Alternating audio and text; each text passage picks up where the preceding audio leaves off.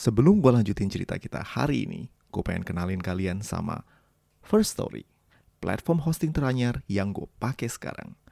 Podcast Mitologi Santuy udah pindah hosting beberapa kali. Dan kali ini, gue yakin gak akan pindah ke lain hati. First Story adalah platform palu gada baru yang paling keren, lengkap, dan user-friendly.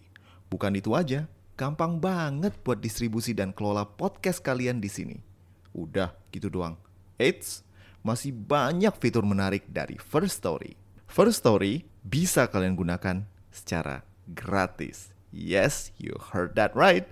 Gratis. Kalian bisa mengupload episode terjadwal dan juga mendistribusikan di seluruh platform hits di Indonesia. Dan yang menurut gue penting banget, tim customer service-nya responsif dan ramah banget karena terdiri dari tim yang berpengalaman dalam hal podcasting. Kamu bisa share podcastmu tanpa ribet dengan F-Link yang mencakup semua link platform dari sosial mediamu. Dan yang paling penting adalah monetisasi. Yes, dengan fitur V-Story Ads, kalian bisa mengakses monetisasi yang mudah dan beneran bisa lu cairin tanpa biaya tambahan dan tanpa repot. Cuan-cuan, kacing-kacing-kacing. Gapai potensi maksimal podcastmu dengan tools dari platform hosting terbaik untuk kita para podcaster. Yuk daftar sekarang di firststory.me dan bawa mimpi podcastingmu menjadi kenyataan.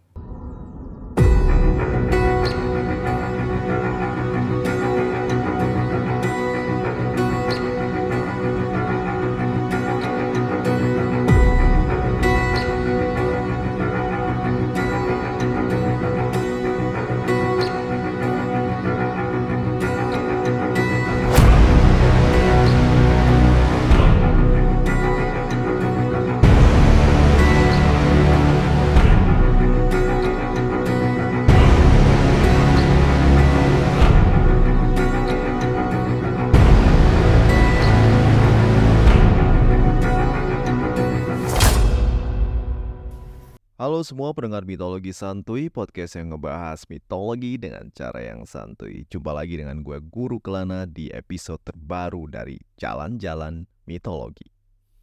Hmm, udah lama juga gue gak bikin episode Jalan-Jalan Mitologi. Dan sambil nunggu seri terbaru dari cerita mitologi Yunani, gue ngide buat ngepost cerita jalan-jalan gue ngintilin jejak mitologi Yunani beberapa tahun yang silam. Masih dalam mood holiday, walau hari ini hari terakhir gue libur, gue nyempetin buat bikin episode ini. Tujuan kita hari ini adalah Pergamus atau Pergamum atau Bergama dalam bahasa Turki. Kota kecil di Turki ini sekarang mungkin gak gitu terkenal dan bakal bikin lu garu-garu kepala kebingungan di pojok dunia mana pula ini Pergamum. Tapi di zaman Yunani dan Romawi kuno, kota ini adalah salah satu kota yang paling terkemuka. Dan di tahun 2016, gue yang masih lajang dan nekat backpacking keliling Turki sendirian. Gue berhasil sampai di kota yang merupakan pusat penyembahan dewa-dewi Olympus di Asia Minor, Pergamum. So, ceritanya di tahun 2016, tepatnya di bulan Juni di mana sinar matahari bersinar dengan lucu-lucunya dan keringat bikin lepek baju dan daleman gue. Gue nyampe di Otogar Izmir, Turki. Gue baru aja balik dari Sardis, salah satu kota yang terkenal juga di mitologi Yunani, dan gue nyampe di otogar ini dari Sardis nebeng mobil orang-orang Kurdi yang ngasih tumpangan ke turis Cindo kurang kerjaan yang berdiri di pinggir sawah. Anyway, gue pun langsung berjalan menuju loket di lantai atas otogar yang menjual tiket bis menuju Bergama, nama modern dari Pergamo. Tiket bis seharga 10 lira pun kemudian sampai di tangan gue dan gue pun siap untuk pergi ke Bergama. Oh iya, BTW, harga-harga yang gue sebutin dalam podcast ini jangan dijadiin patokan ya, soalnya mata uang Turki sekarang jatuh banget. Dan 10 lira, sekarang harganya itu cuma sekitar 6.000 perak. Dulu di tahun 2016, 10 lira itu sekitar 40 ribu rupiah. Perjalanan menuju Bergama itu sekitar satu setengah jam, melewati jalan yang meliuk-liuk dan pemandangan indah khas Turki yang bikin perjalanan yang jauh ini terasa singkat. Dan bis pun kadang terhenti untuk menaikkan atau menurunkan penumpang di sepanjang perjalanan. Ya kayak kita naik bis akap lah gitu. Sambil menikmati perjalanan, gue pun baca-baca sejarah Pergamum. Maklum, gue tuh nerd banget dan history freak. Jadi tiap kali gue pergi ke tempat bersejarah, gue mesti baca biar gue bisa nikmatin tuh tempat. Cerita berdirinya kota Pergamum, seperti banyak kota-kota lain di Asia Minor alias Turki sekarang, berhubungan erat dengan satu nama, Alexander Agung, sang penakluk yang mendirikan banyak kota semasa perjalanannya menuju Persia. Pergamum didirikan oleh Philaterus, ajudan dari Lysimachus yang merupakan salah satu jenderal kepercayaan Alexander Agung. Jadi setelah kematian dari Alexander Agung, wilayah kekuasaannya yang terbentang dari Macedonia sampai ke India menjadi rebutan jenderal-jenderalnya. Lysimachus yang menguasai Asia Minor, bagian barat, menyimpan sebagian besar kekayaannya di Pergamum di bawah pengawasan dari Philaterus.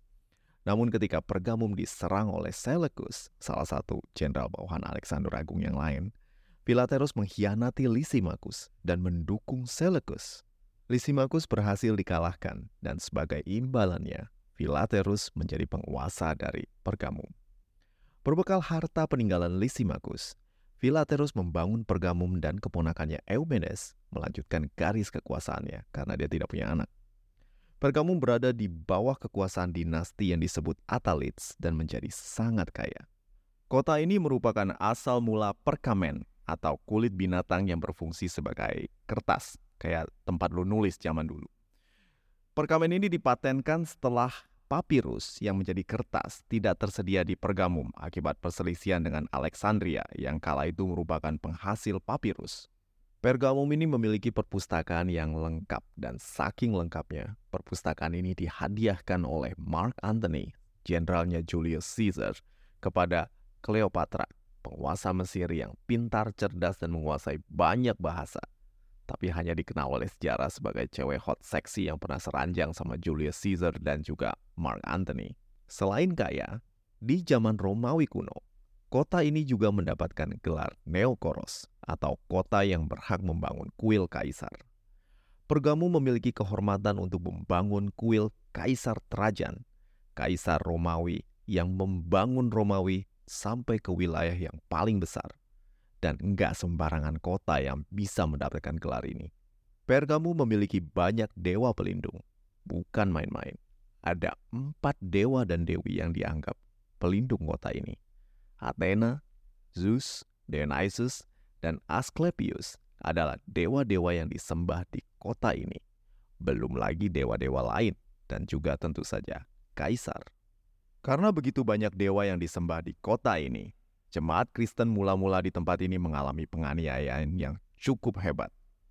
Karena hanya percaya pada satu Tuhan tanpa kompromi, orang-orang Kristen dianggap sebagai orang-orang kafir dalam tanda kutip dan juga merupakan musuh negara. Menurut tradisi Kristen, seorang Kristen bernama Antipas menjadi martir di kota ini.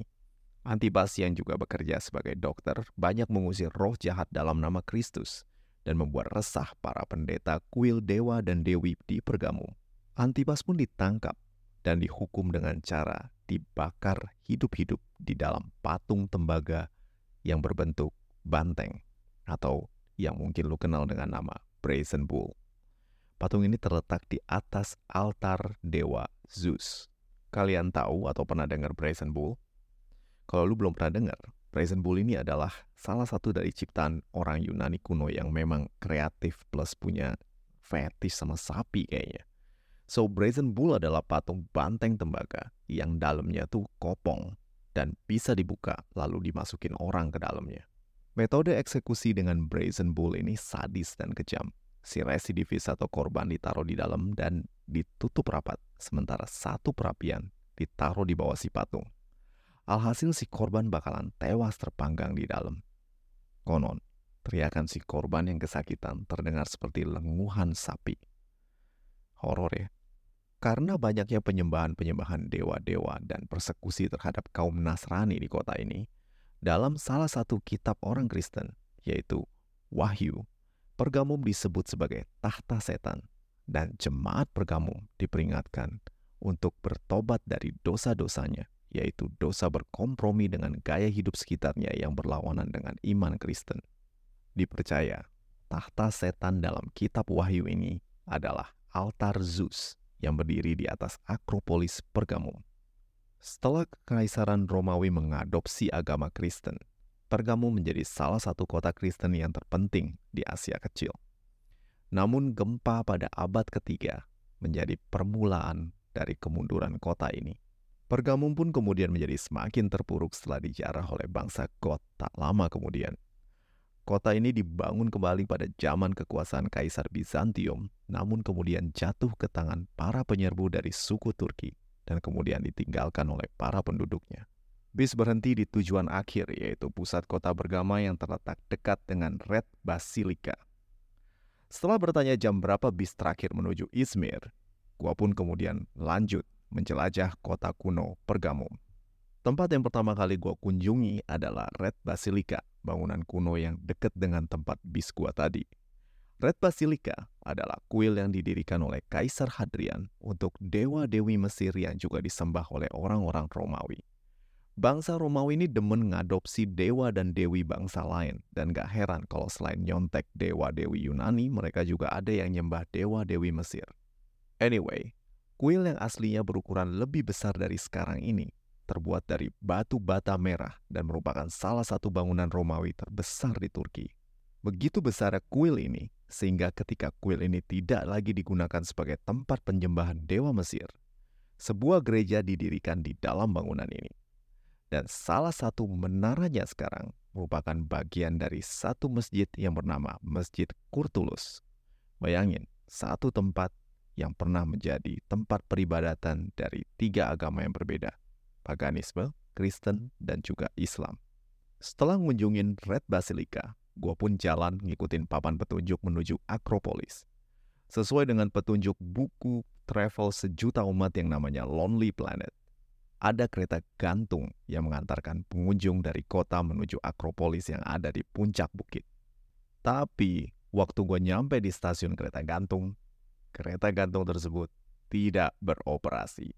Petugas yang nongkrong di sono nyaranin gue buat jalan atau nyewa taksi. Dan gue pun jalan nanjak menuju Akropolis di bawah sinar matahari yang terik banget.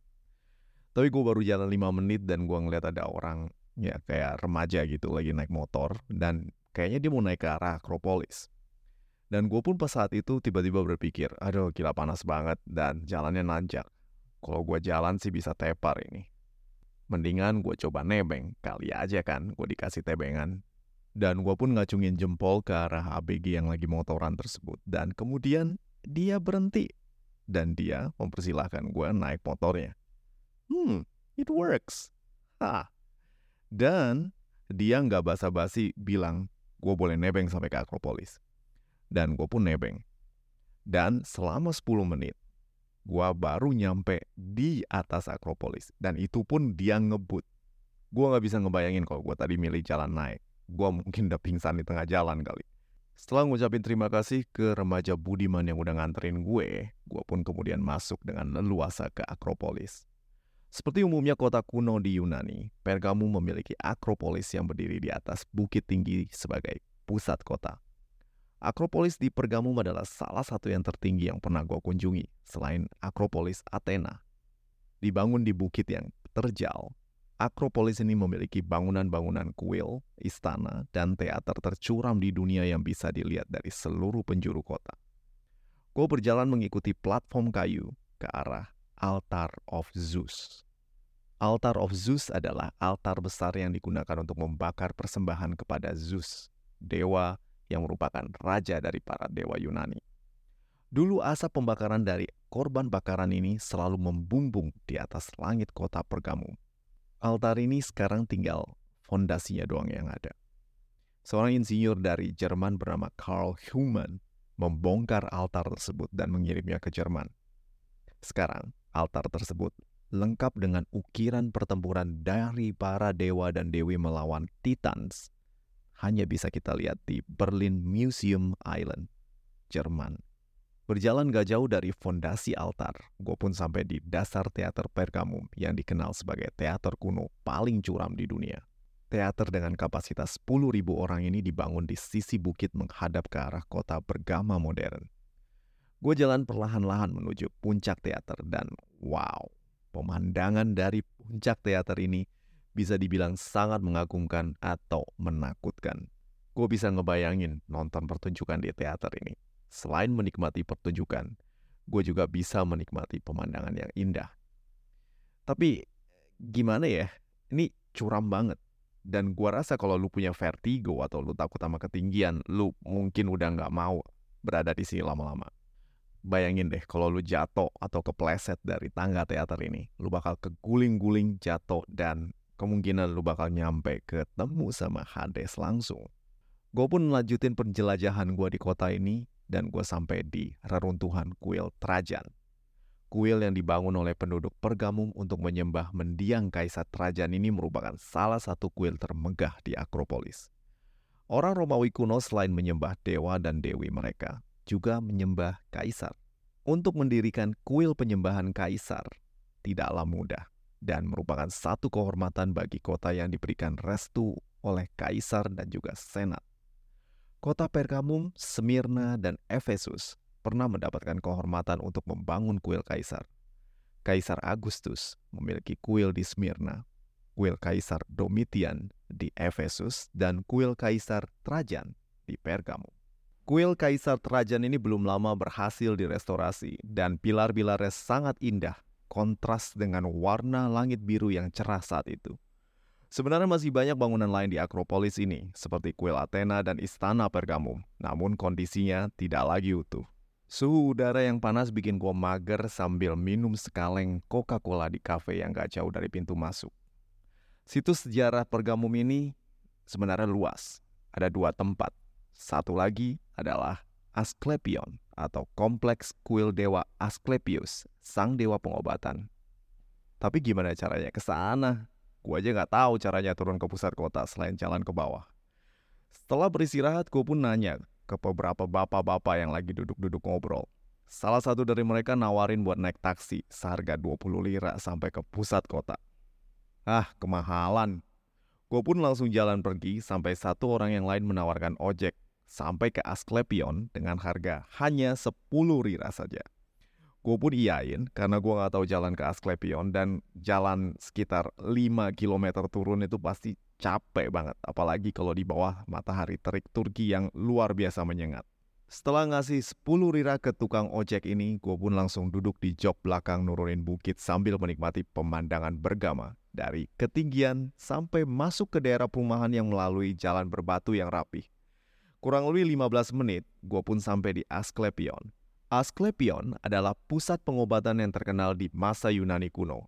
Orang Yunani percaya bahwa Dewa Asklepius, anak dari Dewa Apollo, memiliki pengetahuan dan daya untuk menyembuhkan penyakit.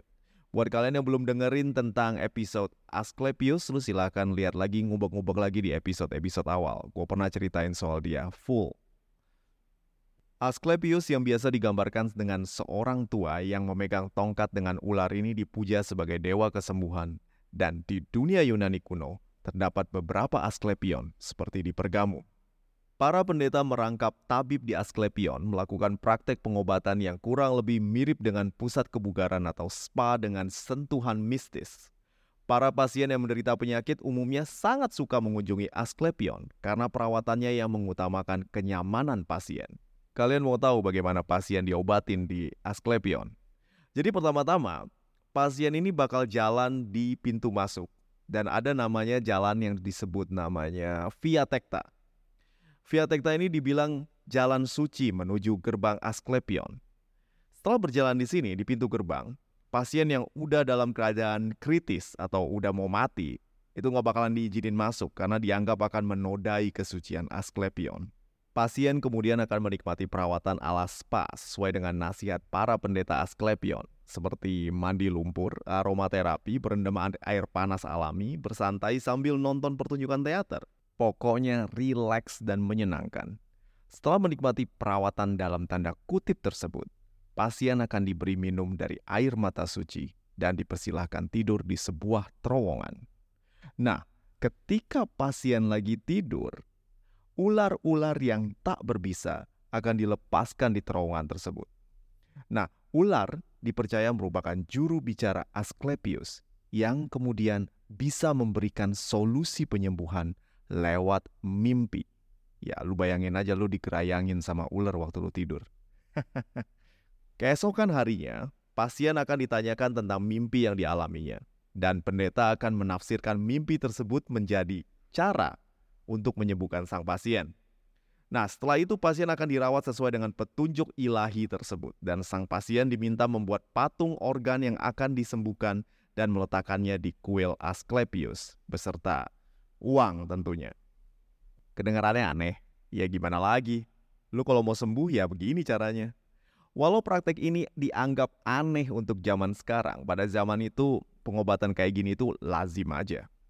Asklepion di Pergamum ini juga merupakan tempat dari salah satu dokter terkenal di dunia Yunani kuno yaitu Galen. Nah, Galen bekerja di Asklepion Pergamum untuk mengobati para gladiator yang sudah terluka akibat pertarungan. Asklepion sekarang sudah tinggal reruntuhan, tapi masih menarik banget untuk dikunjungi. Jadi gue jalan dari Via Tecta, jalan suci tersebut, menuju Asklepion. Ya anggap aja gue lagi pengen ngeberobat, tapi ketika gue jalan di ujung jalan, bukannya pendeta Asklepion yang menjemput, tapi hanya kesunyian yang menyapa. Reruntuhan dengan tiang dengan simbol Asklepion teronggok di depan gue dan gue pun jalan menuju terowongan tempat para pasien tidur. Waktu itu gue nggak tahu kalau tempat ini adalah tempat para pasien tidur. Gue kira ini terowongan untuk ke kuil atau ke teater kayak di Miletus. Gak jauh dari terowongan ini terdapat fondasi kuil berbentuk bundar yang ternyata adalah fondasi kuil Zeus yang dibangun mirip dengan kuil Pantheon di Roma yang atapnya berlubang. Sayang kuil ini sekarang cuma fondasinya doang. Lagi asik-asik sendirian, tiba-tiba pandangan gue beralih ke sepasang muda-mudi yang pakai baju pengantin dekat dengan stoa, yaitu jalan yang ada tiang-tiang penyangga ala Yunani. Ternyata pasangan ini lagi foto pre-wedding. Pre-wedding di rentuhan kota kuno. How cool is that? Tak jauh dari Stoa, terdapat sebuah teater kecil yang dulu dipakai untuk menghibur para pasien di Asklepion. Teater ini tidak semegah teater di Efesus atau Miletus, tapi tetap memiliki akustik yang baik. Dan karena nggak tahu kesurupan atau gimana, gue pun iseng pidato di sana sambil direkam dengan action kamera Seolah-olah gue kaisar atau mungkin orang gila yang keserupan roh kaisar. Jangan nanya videonya ada di mana, gue gak bakalan tampilin di IG. Anyway, gue pun jalan ke arah balik dan gue lewatin kolam suci yang waktu itu udah kering. Kolam ini dipercaya airnya bisa ngobatin penyakit dan dulunya tuh dijaga. Dan minum air dari kolam ini adalah satu hal yang wajib dilakukan di Asklepion kalau lu datang sebagai seorang pasien. Matahari pun semakin rendah dan jam udah nunjukin pukul 6 sore. Gue pun bergegas pulang. Bermodal petunjuk dari petugas dan beberapa orang di jalan, gue tuh jalan balik ke pusat kota buat nebeng bis kembali ke Izmir, tempat gue tidur. Gue lewatin banyak jalan berbatu dan berpapasan dengan beberapa anak kecil yang imut-imut. Mereka ngeliat kamera di tangan gue dan minta gue untuk motret mereka. Dengan senang hati, gue pun motret mereka dan mereka sangat senang, walau hanya ngelihat foto mereka di layar kamera. Gua pun jalan dan langkah kaki gua mengantarkan gua di pusat kota Bergama atau Pergamum. Gua pun kemudian membeli sebuah tiket menuju Izmir dan bis berangkat 10 menit kemudian. Pergamum adalah kota yang menyenangkan untuk dikunjungi. Ada banyak yang bisa dilihat. Sayang, waktu gua nggak banyak. Dan gue mesti puas ngunjungin Pergamum cuma dalam 4 jam. Tapi yang penting impian gue untuk ngunjungin kota yang terkenal ini terwujud. Sebelumnya, di tahun 2014, gue sempet pengen ke sini. Tapi gagal karena, well, ada satu insiden yang maybe someday bakal gue ceritain di sini. Nah, demikianlah episode Jalan-Jalan Mitologi kali ini. Semoga kalian seneng dengan episode kali ini yang jelas. Gue sih seneng karena bisa nostalgia perjalanan gue yang memorable banget. Mungkin lain kali gue bisa ngadain open trip kali ya. Bareng-bareng kalian jalan-jalan ke tempat yang berhubungan dengan mitologi Yunani. Nah, menurut kalian gimana? Ntar gue buka polling ya. Anyway, gue mau ngucapin terima kasih buat Green Jacket dan Zephyros yang udah traktir gue di laman traktir mitologi santuy. Nah, buat kalian yang kepengen dukung podcast ini, silahkan mampir ke laman traktir yang tersedia di deskripsi episode.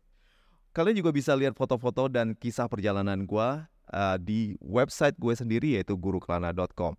Dan di sana ada link untuk uh, iklan AdSense. Kalau kalian pengen, you know, berkontribusi silakan klik aja. Nanti gue bakal dapat uh, AdSense. Anyway, malu banget ya gue ceritain seperti ini. Oke, itu dulu ya. See you and ciao.